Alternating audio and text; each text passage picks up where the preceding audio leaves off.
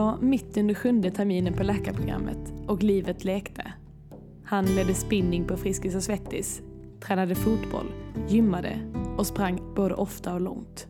Han var engagerad i flera körer och tog pianolektioner och hade flera spelningar på olika nationer i Uppsala. Fullt upp med andra ord.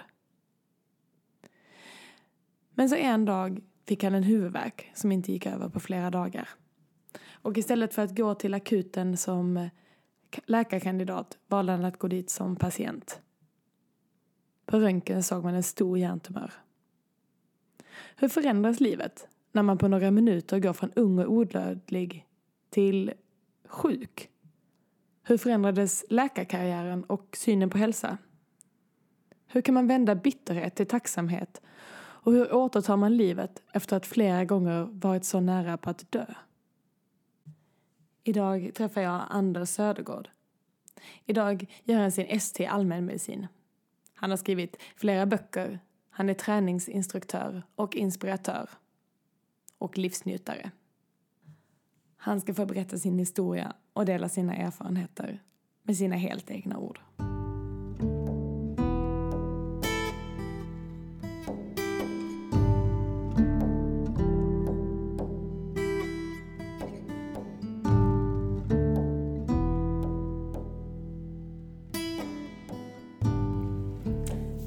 Hej Anders! Hej! Vad kul att få spela in den här podden med dig. Nu har vi redan suttit här och haft ett fantastiskt samtal så nu hoppas jag att vi kan ha ett minst lika bra samtal när mikrofonen är på. Mhm. Det är härligt att sitta här med dig. Jag ska ställa samma fråga till dig som jag har ställt till alla andra när jag ställer fram den här mikrofonen den här säsongen och det är vad är det bästa med att vara du? Ja, den, den frågan har jag ju faktiskt aldrig fått eh, och det har jag faktiskt aldrig heller eh, reflekterat över.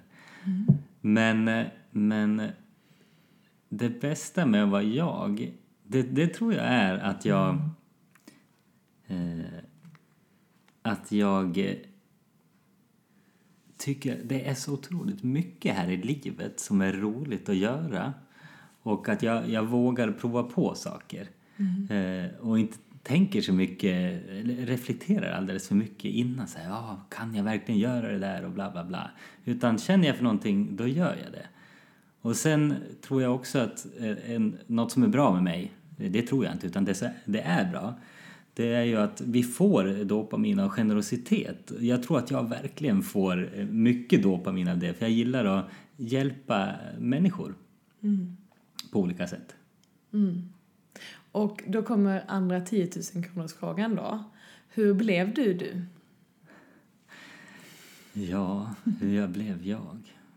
Det är, naturligtvis är det ju, man har, som jag ser det, har man ju en medfödd eh, personlighet eh, och att den medfödda personligheten eh, formas av de man har runt sig. Och där har jag en fantastisk mamma som, har, som är min idol. Om jag skulle säga att någon är min idol så är det min mamma. Eh, som har klarat sig igenom svårigheter och ändå alltid har jag känt att allting är möjligt. Det, det, det är någonting som mamma alltid har sagt på jobbet som, där hon har jobbat. Varit verksamhetsledare för hembygdsgården. Eh, Att allt är möjligt, fast det är aldrig någonting som vi sa hemma. Men, men hela det, det, det är det klimatet som har varit. För du var en helt vanlig kille som gillade att träna och som hade en dröm om att bli läkare och studerade läkarutbildningen i Uppsala. Mm. Men då hände någonting för du fick en hjärntumör Mm. mitt i termin sju. Mm. Och saker och ting förändrades. Absolut. Vad hände?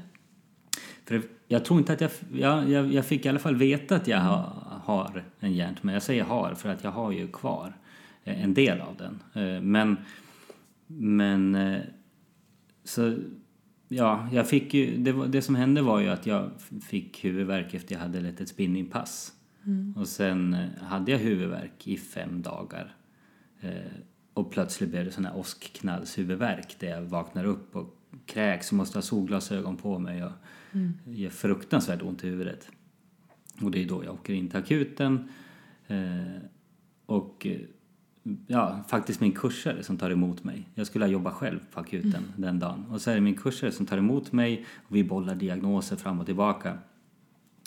Eh, och så får jag åka på en skiktröntgen till slut och sen får jag det här hemska beskedet att jag har en stor hjärntumör. Mm.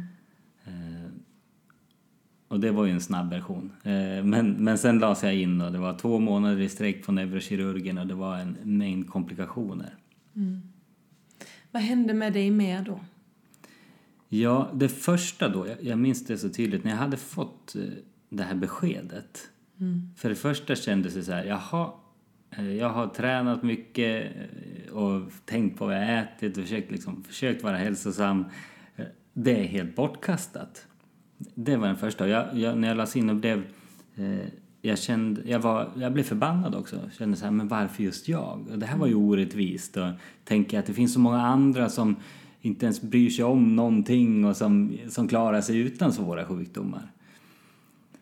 Och eh, det, det kom så många, otroligt många känslor som jag aldrig hade, hade känt innan. Mm. När man ligger där och du är 25 år gammal du har hela livet framför dig som du känner och allt. Det finns så mycket kvar att göra och du vet inte om jag, du kommer dö nu. Alltså, jag, jag vill ju inte dö nu. Det mm. kände jag tydligt. Uh, och sen, med facit på hand sen så var, ju, var det ju all den här träningen och det var, ju, det var ju det som faktiskt gjorde att jag överlevde de där två månaderna på neurokirurgen för att det hände så pass mycket som var livshotande. Mm. Uh, så det har ju blivit en väldigt stark del som jag har fått med mig efter det. Mm. För om vi snabbspolar fram till idag, så mm. idag jobbar du som, du gör din ST i allmänmedicin. Mm. Och jag var så fascinerad av att du gör det här på halv, halvtid, eller mm. halvfart. Och, och gör massa andra intressanta saker vid sidan om. För du föreläser om hälsa och träning och berätta lite grann om vad du gör. Mm. Ja, det jag gör eh nu, alltså, jag gör ju en ST i Västmanland för att jag kommer från Fagersta från början eh, och det är där jag har jobbat på en vårdcentral. Eh, och det är ju jättehärligt att och, eh, få möta människor och speciellt människor som jag själv har haft kontakt med under, under min uppväxt i Fagersta. Mm. Det är en, en extra dimension där. Men, men det jag har gjort nu, just nu har jag ett uppehåll från min ST, och den, men jag har gjort den på ungefär 50-60 procent hittills. Och eh, det jag tycker är absolut roligast att göra nu, eh, det är att hålla Ja, föredrag är faktiskt ett av det roligaste. Eh, att hålla föredrag, och det är ju dels om mina egna erfarenheter. Eh, det kan ju vara för vården, eh, och det kan handla om bemötande och allt möjligt. Men det är ju mycket också kring det här med livsstilsfaktorer och alla sjukdomar vi har som vi faktiskt skulle kunna förebygga. Och, och det, det finns så mycket man kan göra där. Och, och det tycker jag är, är, viktigt att få fram den delen i, i hur mycket man faktiskt kan göra själv. Mm. Och, och sen finns det ju en hel del där man inte man kan inte hjälpa. Alltså en hjärntumör, ja, jag hade inte kunnat gjort någonting åt den, den fanns ju där. Mm. Eh, men, men däremot kan jag ju förhålla mig till det där på ett sätt som gör att jag ändå kan inte bara överleva det utan dessutom få ut någonting, alltså leva med mm. kvalitet på något sätt tack vare tumören. Mm. För du har både ett unikt patientperspektiv men också ett läkarperspektiv. Vad är hälsa för dig? Hälsa är ju förstås att må bra. Eh, och må bra är ju väldigt subjektivt. Men det finns ju vissa faktorer som man vet eh, gör att man mår bra. Mm. Och det är ju om man känner att man gör någonting meningsfullt. Att vara generös, det, det verkar många ha glömt bort, men det har ju varit en överlevnadsfördel. Vi har alltid varit tvungna att samarbeta eh, det är därför man får dopamin av att hjälpa någon annan. Eh, och, så att om man, och, och likadant då att hålla igång fysiskt, att vara fysiskt aktiv, det är också en överlevnadsfördel. Så att om man, om man tar alla de här sakerna som egentligen är överlevnadsfördelar, och det är ju också mat, sömn, sex och liksom allt, allt som man får dopamin av. Det, det tycker jag är, det är hälsa för mig när man klarar av eh, att ha alla de bitarna i sitt liv. Och då är det ju, ja, för mig är ju träningen en förutsättning för att ha energi till att, ja men att, att egentligen då orka dela med sig eh, till andra eller ja, göra sånt som man känner att man, man hjälper någon annan. Mm. Men, men för att göra det så måste man ju ha, ha energi själv. Alltså, mm. man måste ta hand om sig själv mm. i första hand för att kunna hjälpa någon annan. Mm. Det här är väldigt intressant och det väcks jättemycket frågor i mig nu. Och nu har inte jag förberett dig på de här frågorna men jag kommer att ställa dem ändå. Och mm. du får se om du vill svara på det eller inte. Men kan du ibland känna att vi ställer... Nu, det var fel ställt i och för mm. sig. jag får inte ställa ledande frågor här. Men kan du... Tror du att vi ställer... Eh, att vi har för låga krav inom hälso och sjukvården? Att vi sätter ribban för lågt i hälso och sjukvården? Mm. I, när, just när du mm. beskriver hälsa på det här sättet, för mm. jag sitter, det bubblar i mig och jag vill hålla med. Mm. Men jag upplever att eh, vi tyvärr inte når dit så ofta. Nej, och så är det nog. Och självklart så är det ju, vi kan ju göra en del, jag har ju alltid sagt tidigare, så, ja, men man, ja, men man motiverar någon annan. Och, och det är klart man kan säga saker som förhoppningsvis blir en trigger för patienten men motivationen är ju fortfarande, den ligger ju hos dem själva. Mm. Eh, och, men, men absolut, det kan räcka att säga att, att de får veta någonting som de kanske inte visste. Åh, där, oj då, ja, det där hade jag inte tänkt på. Eller man får ett perspektiv mm. som man inte hade haft. Men, men jag, när det kommer till fysisk aktivitet, för det är ju den träningen som är för mig är det så avgörande. Det var ju därför Så mycket friskare den boken kom till. För att för mig så ligger ju trä, alltså man behöver inte ens kalla det träning. Vi ska röra på oss. Det är mm. liksom det som ligger i botten. Av mina 119 vakna timmar varje vecka så ska jag se till att röra på mig så här mycket. Sen får jag ta in andra delar. Mm. Och det, det, är just det att nu blir det mycket tvärtom. Att man har hela sitt liv och jättemycket att göra. Sen plötsligt så, ah, så ska man göra det där tråkiga mm. och jobbigt att träna. Jo, men allting, alltså det är jobbigt att röra på sig. För mm. kroppen vill inte göra av med energi. Det, det, så, det, finns så otroligt mycket, bara gå tillbaka till evolutionen. Jag tycker det är så intressant med evolutionsteori för att det förklarar egentligen allt. Varför vi gör som vi gör och varför vissa saker är så svårt. Mm. Eh, nu känner jag att jag svävar iväg. Eh, jag minns inte exakt frågan. Jo, men om vi ställer för låga krav. Eller om vi sätter på... ribban för lågt liksom. För att ibland kan jag uppleva att vi är så fokuserade på att ta bort sjukdom, ta bort mm. sjukdom, ta bort sjukdom. Men vi vet hur bra vi mår av att röra på oss. Mm. Och vi vet hur bra vi mår av att vara tacksamma till exempel. Vi mm. vet hur bra vi mår av att få lov att värna om liv. Mm. Men att vårt fokus ofta inte ligger på det utan att det mer handlar om att släcka bränderna eller plåstra ja, men Eller låsa sig på en siffra. Ah. Liksom. Du ska under det här målblodtrycket eller ah. långtidssocker eller så. Men, och det är väl egentligen alla delar som är viktiga men, men ja, alltså det finns ju bra mycket mer att göra mm. i alla fall. Och, och det är ju det här med kost och motion som är så viktigt. Det är ju första behandling på hur många tillstånd som helst. Mm. Det blir ofta så här, tycker jag, att man säger ja men det, det, är bra om du rör på dig och sen ska du få den här medicinen. Mm. Och så kommer all information om den här medicinen. Mm. Eh, och det är ju bra att man informerar noggrant när det kommer till mediciner men, men man måste någonstans... Det beror jättemycket på hur du lägger upp det. Och du ser bara, nu är det viktigt att du rör på dig. Verkligen se till att verkligen liksom, träna upp kroppen nu inför att du ska opereras eller vad det mm. kan vara för något. Att man, man kan ju lägga fram det på ett sätt där patienten känner också att oj, det här är ju viktigt. Mm. Det hade jag önskat att någon hade sagt till mig men eh, det, mm. det var det ju inte. Utan då, ofta blir det att man tycker synd om den som har fått eh, en tung diagnos och tänkte att nej, men jag ska inte pressa den här personen. Mm. Mm. Det, det, är den här välviljan som inte alltid blir det bästa. Mm.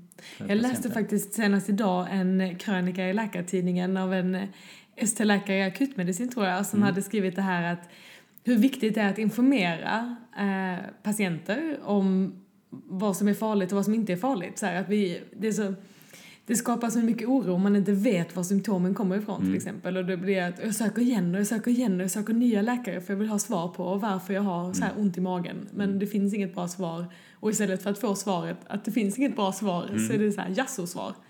Men jag tänker att där finns ju också lika mycket att göra med träning och livsstilsfaktorer och kost och allting om vi bara vet. Mm. Men, och, och vi vet. Men varför är vi så dåliga på att ge råden? Ja, men jag, vi har ju, alltså, på läkarprogrammet är det ju alldeles för lite om träningslära och näringslära. Eh, det är ju mycket mer om farmakologi, alltså läkemedel. Så jag, jag tycker att man skulle kunna lägga mycket mer krut där. Alltså jag, jag tycker att man skulle kunna ha eh, gemensamma träningspass eh, på läkarprogrammet. Jag har funderat mycket över det. Det hade varit väldigt bra för att det, det finns ju de som inte, alltså man måste ju ha upplevt också. Om, om man tränar själv så vet man ju mycket mer också vad som finns att tillgå. Sen behöver det ju inte vara så avancerat heller. Jag menar, man har ett par, om man har ett par ben att gå med eh, så, är det, så kan man ju bara ge sig ut. Men, men, men det där är också den här balansgången i hur Eh, att det är jättebra, allt man gör är bra. Absolut. Eh, bara du rör dig, varje minut du rör dig så minskar du risken för kroniska sjukdomar kan man säga. Men, men det är också så att ja, allt du gör är bra men bet, mer är bättre än lite. Det, och, och just det här att många läser, ja men jag ska gå en rask promenad. Jo men är det någon som går en rask promenad? Det, det är få som får upp pulsen så pass mycket att man skulle kalla det en rask promenad. Eh, och och det där har man ju sett i många studier. Så, och det är svårt det där, för att det är jättebra att man går, men, men också man måste pusha lite grann. Och, och det är det där man ändå måste våga göra. Och just det där att pusha pa- cancerpatienter, är ju enormt viktigt. För att det är så vanligt att man får en diagnos och sen då, då rör man sig mycket mindre än vad man gjorde innan man hade fått diagnosen. Och det kan hålla i sig lång tid efter, alltså upp till ett år eller ännu längre. Nu var inte det din fråga, men Jo, jag blev bara så här, jag blev lycklig. Bara spinn vidare på det här, det är så bra, säg mer. Hur ska man göra? Här. Men hur, hur skapar man då motivation hos en eh, patient? Eller vän, eller, vem som, eller hos sig själv för all del. Jag, jag är inget bra exempel på det här med fysisk aktivitet för tillfället. Men vi vet ju Alltså, jag, både som läkare och patienter vet vi att vi borde röra på oss mer och vi borde äta lite bättre och vi borde, det skapar också en enorm stress i oss. I att jag vet att jag borde men jag gör det ändå inte och då blir jag stressad och då mår jag dåligt för det. Alltså det blir en enorm hälsostress också. Så hur gör man för att motivera sig själv på ett hälsosamt sätt? mm. man ska ju förstås läsa min bok. det är den enkla, enkla svaret. Nej, men ve- vet du faktiskt att WHO, Världshälsoorganisationen, har ju underkänt Sverige. Vi har fått godkänt i att, ja, för vad vi gör för att försöka få ner rökning och, och alkoholkonsumtionen. Men vi har fått underkänt i hur vi ändå informerar befolkningen om vad som händer i kroppen vid fysisk aktivitet. Eller liksom vil, absolut vilka, vilka otroliga effekter man kan få av det. För att det har jag tänkt på också. Ja, men var, vi ser ju inte det någonstans. Reklam på tv? Nej, det är ju bara spelbolagsreklam eller vad som helst. Eh, utan, man ser ju aldrig några affischer nästan. Eh, vi inom Friskis hade en reklam en gång på eh, inför bio, på, inför en biofilm då, att man skulle göra dips i, eh, liksom träna eh, triceps. Dips och chips. I, ja, exakt. Ja, men i biostolen sådär. Men sen sitter man ju ändå en, två, tre timmar och tittar på någon film. Men, men, men det är just det där att det syns faktiskt inte så mycket. Och man vet bara så här, ja men det är bra att du rör på dig. Jo, men vet du vad som händer? Vet du vad som händer med hjärnan? Det bildas nya blodkärl och det, det finns så jättemycket som händer i kroppen som man skulle behöva informera mer om. För att bara höra att det är bra att du rör på dig, kost och motion, ja, men kost är ju också svårt för att det är egentligen inte svårt. Men det är många som gör det svårt för att man vill man, man klär godis i träningsoveraller för att eh, det säljer bättre. Men det är fortfarande godis. Eh, och just det där att vi vill så gärna... Jag brukar tänka att metoder som inte kräver minsta ansträngning kan man vara lite skeptisk till eh, utifrån vad man kommer få för hälsomässiga effekter av det. För det, det är, det ska kräva ansträngning. Men det betyder inte, det behöver inte vara extremt jobbigt för det. Men, men hjärnan är svår att besegra. Eh, och där kommer vi till motivation. För där måste man ju besegra sin egen hjärna. Och, jag, men, och där är det ju jättemycket, jag kan ju bara kolla på mig själv. Eh, jag har ju alltid mått så bra av att hålla igång så att det har blivit så, det blir så naturligt nu. Så nu är det snarare att förlusten av träning mm. blir väldigt jobbig, både, både psykiskt och fysiskt. Men, men jag tränade ju alltid så här, ja men jag skulle bli snabbare, starkare, snyggare. Det var, liksom här, det var, det var viktigt, utöver att må bra. Men sen också då när jag var sjuk och sen eh, inser att jag hade, inte överlevt om jag inte hade varit så där tränad från början. Mm. Eh, och sen fick jag ju börja om från noll eftersom jag var förlamad eh, och hade ju gått ner 12, minst 12 kilo muskler. Eh, ja, det var verkligen, och då var ett träningspass att gå fram och tillbaka i en sjukdom, eh, i en eh, sjukhuskorridor. Eh, och jag lyfte benen ena vägen och ja, liknande på vägen tillbaka och jag var helt slut. Idag om jag skulle göra det, det skulle inte ge mig någonting mm. förutom att jag bryter stillasittandet. Men man måste ju gräva där man står. Då var det här en enorm prestation. Mm. Att gå i en korridor på 50 meter fram och tillbaka. Och det där är väl den viktigaste delen tror jag. Så att jag hade som sagt, ja men träna för att bli snabbare, starkare, snyggare. Jo men det gör jag väl i och för sig fortfarande. Men, men nu tränar, jag tänker också träning för överlevnad. Mm. Hade inte tänkt på hur viktigt, om jag drabbas av någonting, eh, om, om jag kommer att bli tvungen att operera igen då i hjärnan, eh, eller njuren för den delen, eller någonting annat, eller är med i en trafikolycka, jag har ju mycket bättre chanser att klara mig om jag har en liksom, god syreupptagningsförmåga och muskelmassa. Mm. Så, så det har blivit en aspekt som jag säger, för mig är det, man kan inte välja bort mm. fysisk aktivitet. Mm. Nu, nu klarar man sig ju väldigt länge med, eh, med eh, ja, men läkemedel, eh, hjälpmedel, eh, finns olika operationer och behandlingar. Har man wifi så kan man ju ligga hemma och så får man det mesta. Men, men, men kolla evolutionärt, du skulle inte ha klarat dig om du inte sprang till mm. exempel. Mm. Människan sprang kanske 10-20 kilometer om dagen. Mm. Det är ju inget, inte få som gör idag. Mm. Och det, vi har inte riktigt ett sånt samhälle heller. Nej, vi har designat det lite fel. Mm, ganska mycket fel. ja, men det här som ska vara bekvämt. det är inte så bekvämt att få en sjukdom kan jag säga. Nej. Men, eh, nej, men det är verkligen, det, det finns så mycket att göra. Det är ju i och för sig mm. positivt. Mm. Att det inte är bara en massa sjukdomar som kommer som man inte, det är helt omöjligt att göra någonting åt dem. Eh, det finns ju bra behandlingar också. Läkemedel har absolut en plats. Mm. Men man kan komma långt med andra behandlingar också. Eller mm. som ja, antingen komplement eller istället mm. för. Mm. Men det där huret då liksom. Motivationen är ju så extremt viktig. Men har du några knep? Eller vilka är dina knep? Ja, Hur men, motiverar och, du? Och där beror det jättemycket på vad man har för motivationsmönster. För vissa, vissa kan ju vara eh, mer för det här att ja men vad, vad vinner jag på att, att, jag, att jag börjar nu. Mm. Medan det för andra kan vara att, ja men vad förlorar jag på att vänta? Mm. Det, det, där beror ju mycket på hur man funkar. kan ju vara lite av varje också. Men det var någonting jag tänkte på. Eh, vi ska se. Jo, eh, men eh, skalning är ganska bra. Eh, mm. Det här från 1 till 10 där man ber någon säga, man, man diskuterar så kommer man fram till någon förändring som någon vill göra. Och och så får man fråga, ja men hur viktig är den här förändringen för dig? Från 1 till 10. Eh, och då blir det förhoppningsvis och oftast en, en hög siffra på det. Är det en låg siffra, men då, är det inte ens, då behöver man inte ens prata längre. För då är det ingen viktig, det måste ju vara viktigt för patienten. Mm. Eller för den människan man har framför mm. sig. Eh, och ja men då är det bra, då ser man det. Säg att det var en 8 eller så. Ja men då är det ganska högt. Och sen, eh, då är nästa fråga då, vad tror du om dina förutsättningar för att klara av det här. Alltså för att mm. uppnå den här förändringen eller om man har diskuterat att ja men då måste jag börja träna eller vad det nu kan vara. Eh, ja men vad tror du om dina chanser? Så. Och då brukar det inte vara lika hög siffra men då kanske det är en, en trea.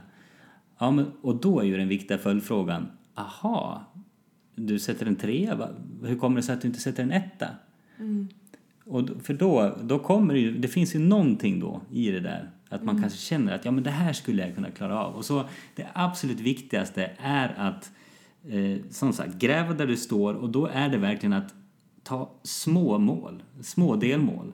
Det är verkligen inte det här att ja, men från noll och sen ja, men nu ska jag springa fem Ni- kilometer tre gånger i veckan. Ja, men det, det går inte. Alltså, vi få kanske klarar av det men, men det, är ju, det är ju mycket bättre att ta ett sådana mål som man verkligen kommer klara av. För det finns inget som är så modfällande som att ha satt upp ett mål som du inte klarar.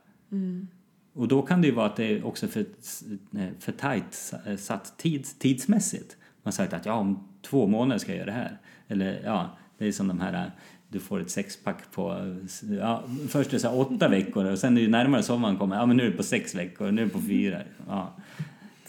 Det är inte rimligt och sen är det kanske inte ett sexpack någonting heller det viktigaste att sträva efter. Men, Mm. Men det känns ändå som att idealen de senaste åren börjar ändras. mm, Att, vi, att träning ska vara någonting mer för att vi ska må bra och att man börjar prata mer om hälsoeffekterna Mm. av fysisk aktivitet och Anders Hansens bok Hjärnstark och allt det här.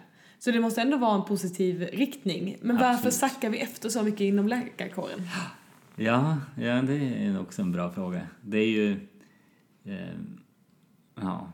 ja, men det är, det är ju lite grann är ju det, man, jobb, man har ju gått sin utbildning och sen jobbar man ju väldigt länge.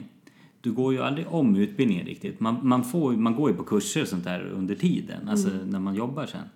Men, men så alla som jobbar sen kommer ju ha gått lite olika omgångar eh, sin utbildning. Eh, och de allra flesta hittills har ju inte haft med så mycket om, om träningslära och näringslära till exempel. Och därför tror jag att det kan eh, falla bort, att man inte är van att ordinera det. Jag menar, eh, f- fysisk aktivitet på recept. Det, är- jag, jag vet att jag var den eh, i Västmanland ett tag som skrev ut flest sådana eh, och- inom primärvården. Och, och det är ju också, det är klart det krävs kanske lite tid. Man behöver åtminstone ha ett, en halvtimmes eh, besök och sen viktig uppföljning och så. Men, men att det, det, det, är inte lika naturligt att ha det med. Det är, så- det är så mycket mer naturligt att man skriver ut ett recept på en medicin. Så att det är nog, det är lite, alltså alla gör ju inte det, men vi är väldigt olika och inom primärvården så jobbar man ju ändå själv på rummet. Man, man tar in en patient och sen eh, behandlar man den som man själv tycker. Även om det naturligtvis gör man en massa tokiga grejer, det kommer komma fram, men du kan klara det ganska länge. Och, så det där är ju... Ja, Nej, men det finns mycket att göra där och jag tror att det i samhället överhuvudtaget behöver det bli mer. Man behöver komma åt det så tidigt. Det är det, det är ju innan primärvården kommer in.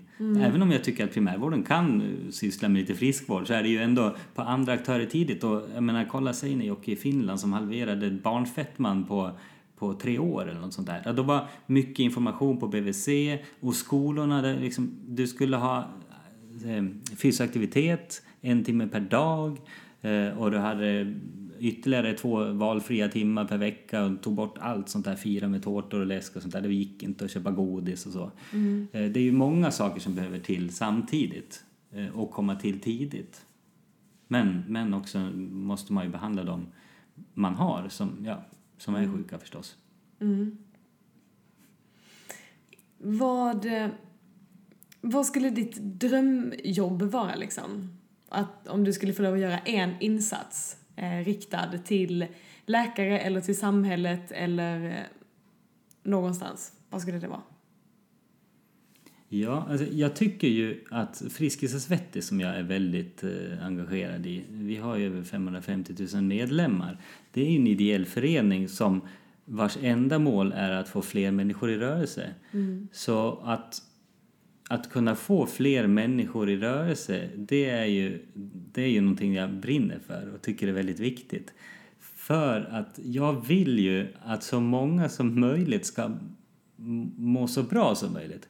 Och det finns, det är så många som skulle kunna må så mycket bättre med, med, med relativt enkla medel.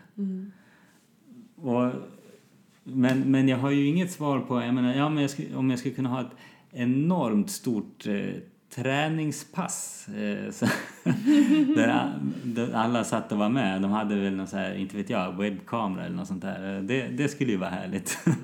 men eh, annars så Ja, alltså få in fysisk aktivitet som, en, som så naturligt som det är. Det skulle jag vilja ha, vilja ha fast jag vet inte exakt hur jag skulle få till Mm. det. Men, och inte behöva liksom kalla det träning. Som, Mm. något man, som något man ska känna sig duktig när man gör det. Eller att jag får in Jo, men man får gärna känna sig duktig, förlåt. Det får man gärna göra. Eh, Man ska, man ska fira framgångar, det, det tycker jag absolut man ska. Man ska inte fira med tårtor. men, men, eh, men, men eh, alltså så, men ändå har det som att ja, men det, här är, det här är det som ska vara. Det, det här med friskvårdstimme, att ja, men den ska verkligen användas och den ska, den ska finnas på alla jobb. Varje jag. dag. Ja, ja, exakt. Inte en timme i veckan utan en Nej. timme om dagen. Mm. Mm. Så, och det, är ju, det positiva är ju också med det här eh, kli- klimatfokus och sånt. Mm. Eh, att, jag menar att det så, det finns, man tjänar så mycket på att eh, ta sig till jobbet på något annat sätt än att åka bil. Eller, jag menar, kan man gå mer eller cykla så är det ju, är det ju perfekt. Mm. Det, det är ju små saker men det behöver ju ändras för att det har ju visat sig att eh, syreupptagningsförmågan i, i samhället på, från 95 till 2017 har minskat så här 10% på hela gruppen som de hade kollat. Det var 350 000, eh, både män och kvinnor. Eh, om det var från 15 till, eller 18 till 74 år, det var ju GIH eh, som kom ut med den studien förra året. Mm. Och det, det är ju ganska allvarligt att det har minskat så pass mycket för att det, där ser man ju också en tydlig, det är en minskning i, eh, i hur mycket energi vi gör av med i våra jobb, eller det vill säga hur rörliga vi är, eh, hur fysiskt aktiva vi är på jobbet. Mm. Det, det har ju gått ner stadigt. Och, och då är det ju ännu viktigare att få till all rörelse utöver det.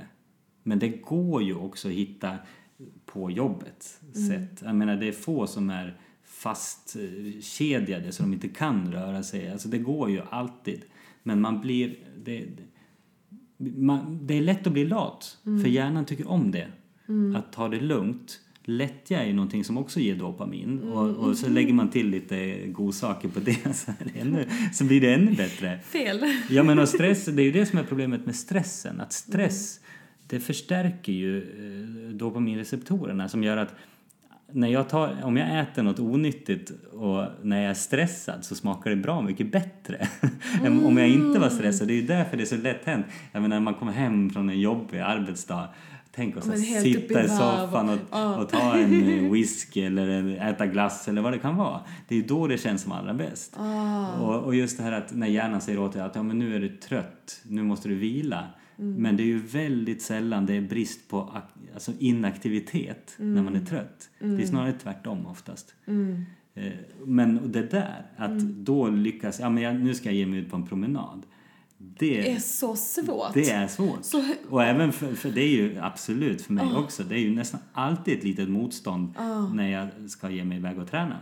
Mm. Att bli träningsinstruktör är bra, för då är man tvungen. Då måste man. Mm. Ja, så Träningspartner, ja men träningspartners är också bra, apro- apropå det här med motivation. Man måste ju hitta en trigger för att eh, jag tänker på en patient som fick veta, vi gick igenom ett sånt här eh, diagram där vi kom fram till att ja men med hans värden och så så hade han ändå en så här 6% ökad risk ungefär att eh, dö inom den kommande tioårsperioden i hjärt-kärlhändelse.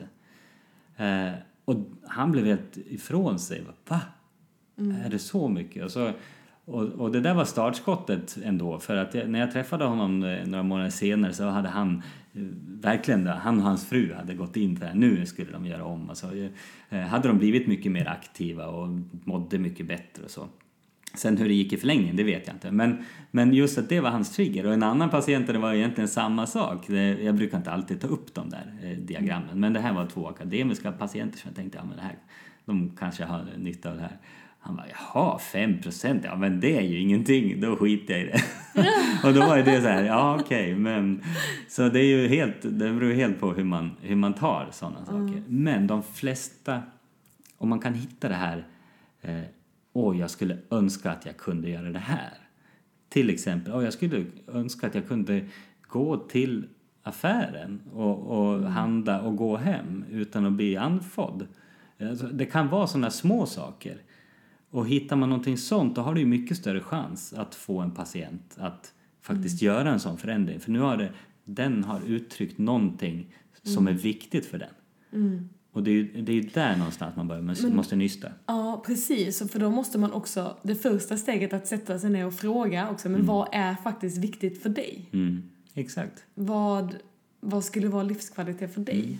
Jo, men jag, jag, ja, nu avbröt jag det också, var ju typiskt. Mm. Jag, jag gillar ju att prata. Mm. Och, men det är ju någonting man har insett när man, när man sitter i en läkarroll du har ju mycket större nytta av dina öron än av munnen. För att det, visst, man måste rikta några frågor kanske, men det är ju verkligen att, eh, att göra det så öppet som möjligt och försöka att inte ställa de här ledande frågorna eller att öppna med något och sen göra det till en sluten fråga direkt där man fokuserar mm. på någon detalj utan låt patienten berätta och sen eh, och så, så kan, då brukar det kunna komma fram. Mm. Mm. För att knyta tillbaka till det vi pratade förut också. Vad... Du var 25 år gammal och såg fram emot din eh, läkarkarriär. Mm. Liksom. Eh, hur, hur förändrades din, så, din syn på läkaryrket och livet i stort när du fick din eh, diagnos eller din mm. tumör? Jag var ju en odödlig 25-åring eh, som som inte var odödlig förstås. Det var jag ju inte. Det, det, visste jag Jag visste ju det innan också. Mm. Fast jag in, inte, inte så i grunden som, som jag tänker på det nu. Mm.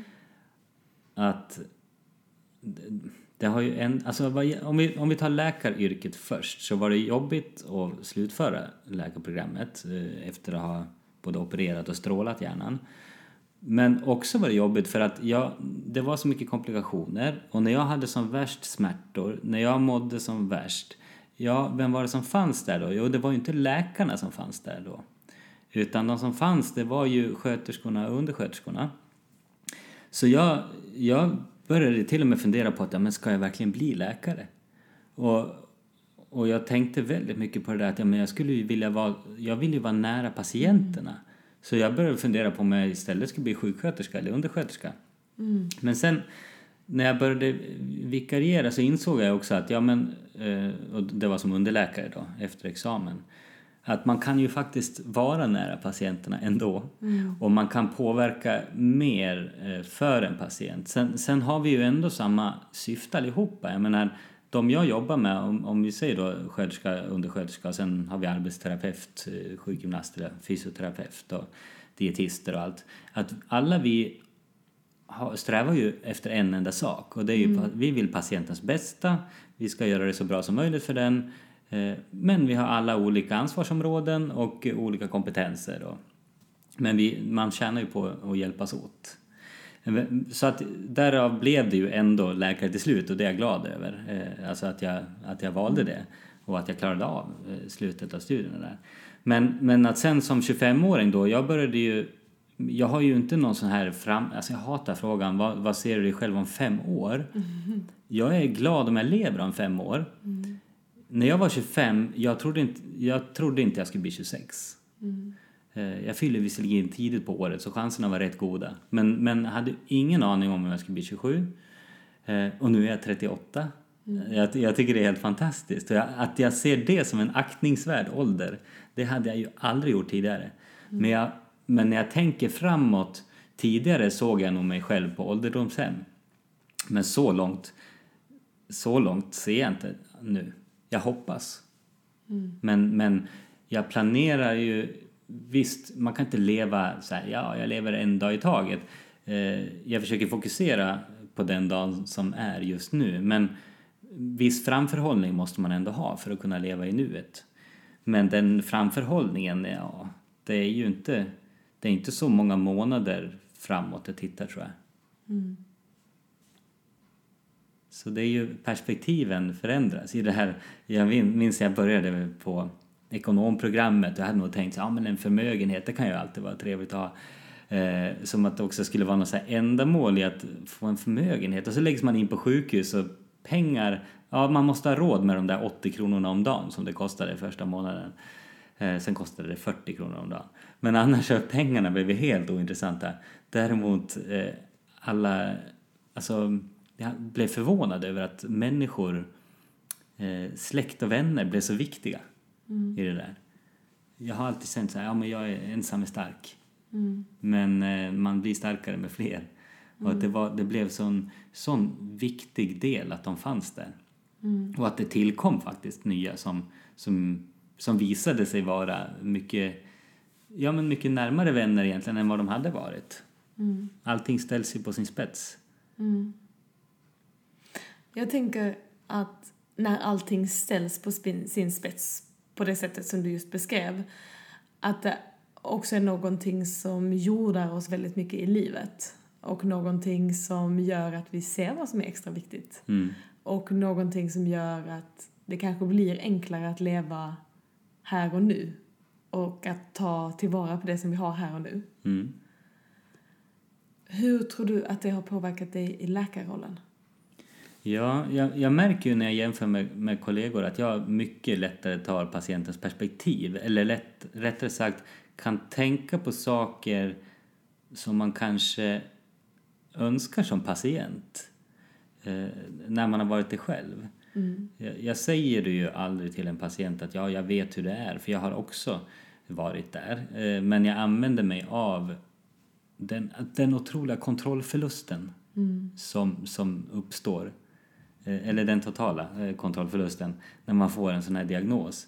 Den, den är ju vidrig och likadant väntan på svar. Sådana saker. Jag menar, eh, ja, man, vill, man vill ju ha ett svar så snart som möjligt förstås.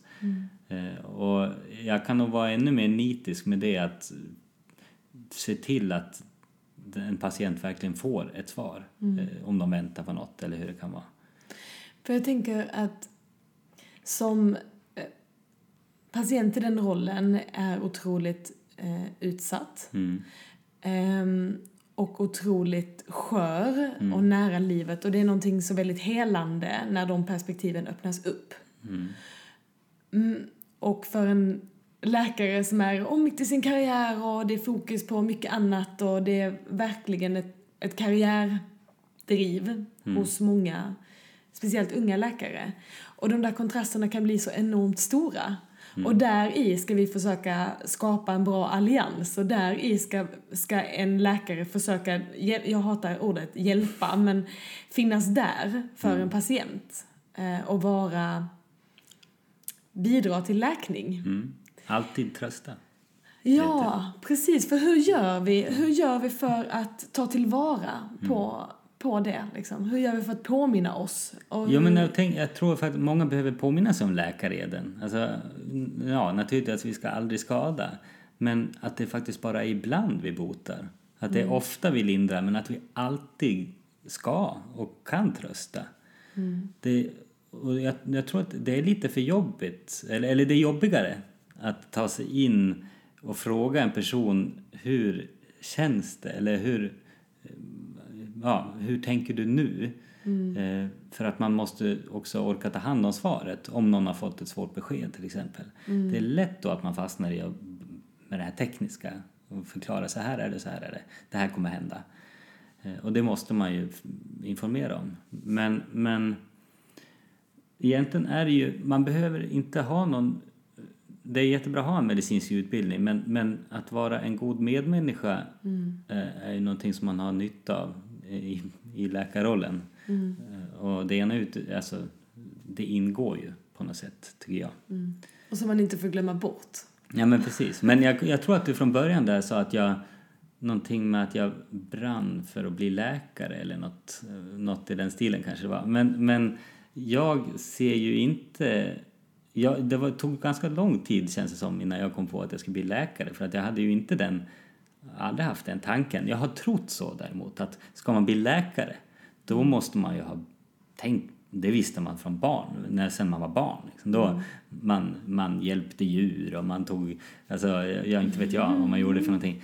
Men, eh, men, och, men jag har ju inga läkare, liksom ingen egentligen vårdpersonal i släkten och eh, aldrig någonsin är det någon som ens har nämnt det för mig. Men jag var ju intresserad av människokroppen och, och träning och träning hör ju ihop med näringslära och träning hör ju ihop med kroppen funkar. Så att det var ju mycket sånt som var intressant. Och de flesta tycker ju att det är intressant med, med människokroppen. Alltså, Den är ju fascinerande. Det är så fascinerande. Ja.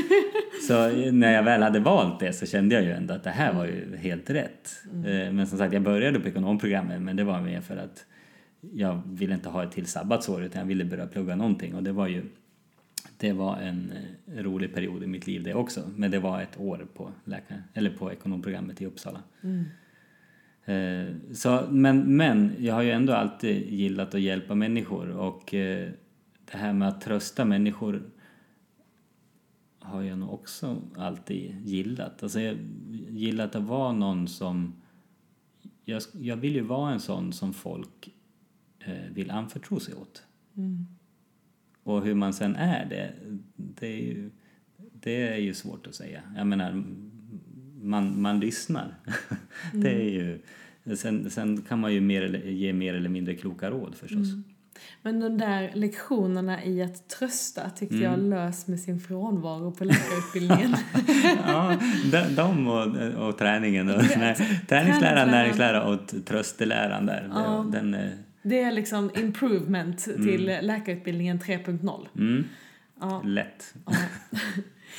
Vad, jag brukar alltid be alla gäster att få dela med sig av eh, en yogaövning, en meditationsövning, någonting man gör i sitt dagliga instruera. Det blev väldigt svårt för dig att dela med dig av ett spinningpass eh, här. Ja.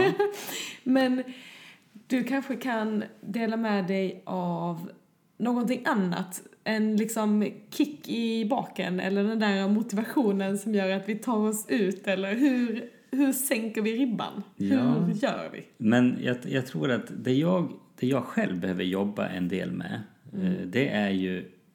Så just nu då håller jag på och schemalägger eh, mindfulness och meditation och sådär. För att det... Jag har mycket lättare att få in träningen, för den, den känns så väsentlig. Men meditation och mindfulness, eh, alltså avstressande, är ju... Visst, träningen är avstressande eh, beroende på hur den utförs. Men men att få in de delarna. Så jag, där tänker jag faktiskt på eh, en, en 5 det är, I speedway, då är ju en, en 5 är liksom bästa, då, då har man lyckats plocka mest poäng. Att man får fem poäng i sitt eget lag och de andra får en poäng. Det är liksom, Då har man maxat det.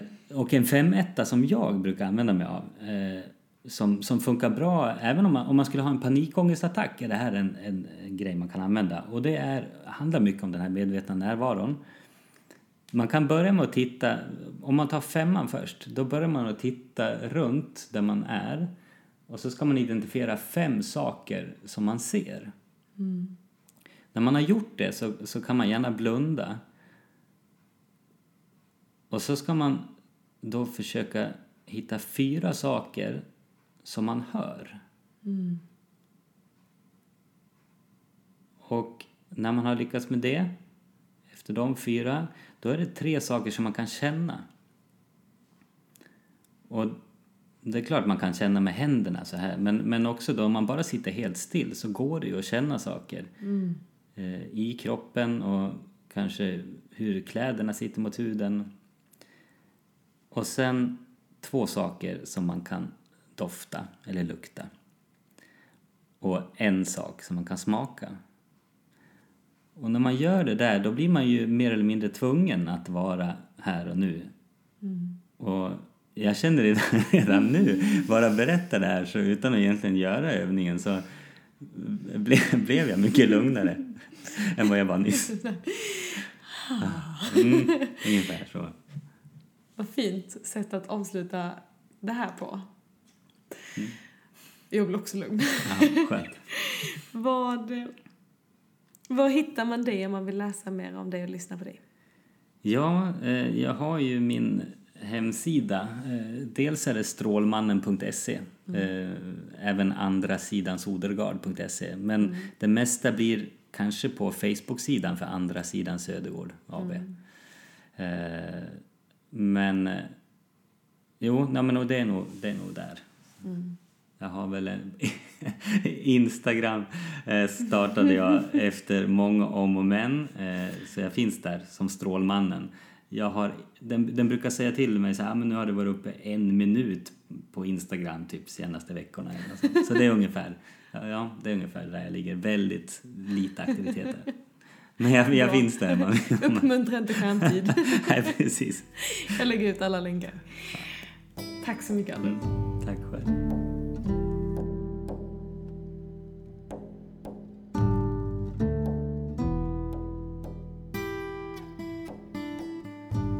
Vill jag skicka ett stort tack till Yogobi som hjälper oss att göra den här podden möjlig. På yogobi.com kan man hitta yogaklasser och föreläsningar och träningsprogram med Sveriges främsta yogalärare på ett och samma ställe. Ett fantastiskt verktyg som du kan använda både som privatperson eller via jobb eller företag. Och du som student har dessutom fri tillgång till hela Yogobis videobibliotek. Du kan också använda Yogobi som farrecept om du har fått yoga utskrivet på recept. På Yogobi finns det hur mycket som helst, men för att underlätta lite för dig så kan du också gå in på min hemsida och klicka dig vidare till Yogobi därifrån. Då kommer du till min profil där jag har valt ut ett par spellistor för olika behov med videos som jag rekommenderar. Använder du Yogadoktorn när du signar upp som medlem får du dessutom testa Yogobi gratis i 30 dagar. Tack Yogobi! Och missa inte att testa det om du vill yoga hemma på egen hand. Du hittar allt material på yogobi.com eller via min hemsida yogadoktorn.se. Tyckte du om det här avsnittet så får du gärna ge mig en stjärna på iTunes. Det hjälper mig att expandera och få in ännu fler grymma gäster till den här podden framöver. Och jag sitter här igen och myser i min fina tröja från yogami.se. Lika glad som förra veckan att bära upp tröjan med texten Warriors of the Universe. Grymma kläder från Yogami som jag bär med stolthet. Återigen, kika in på min Instagram för att se dem och vill du köpa dina egna kläder och hjälpa till att sprida fina budskap som gör världen lite bättre så använd koden YOGADoktorn för 15% rabatt.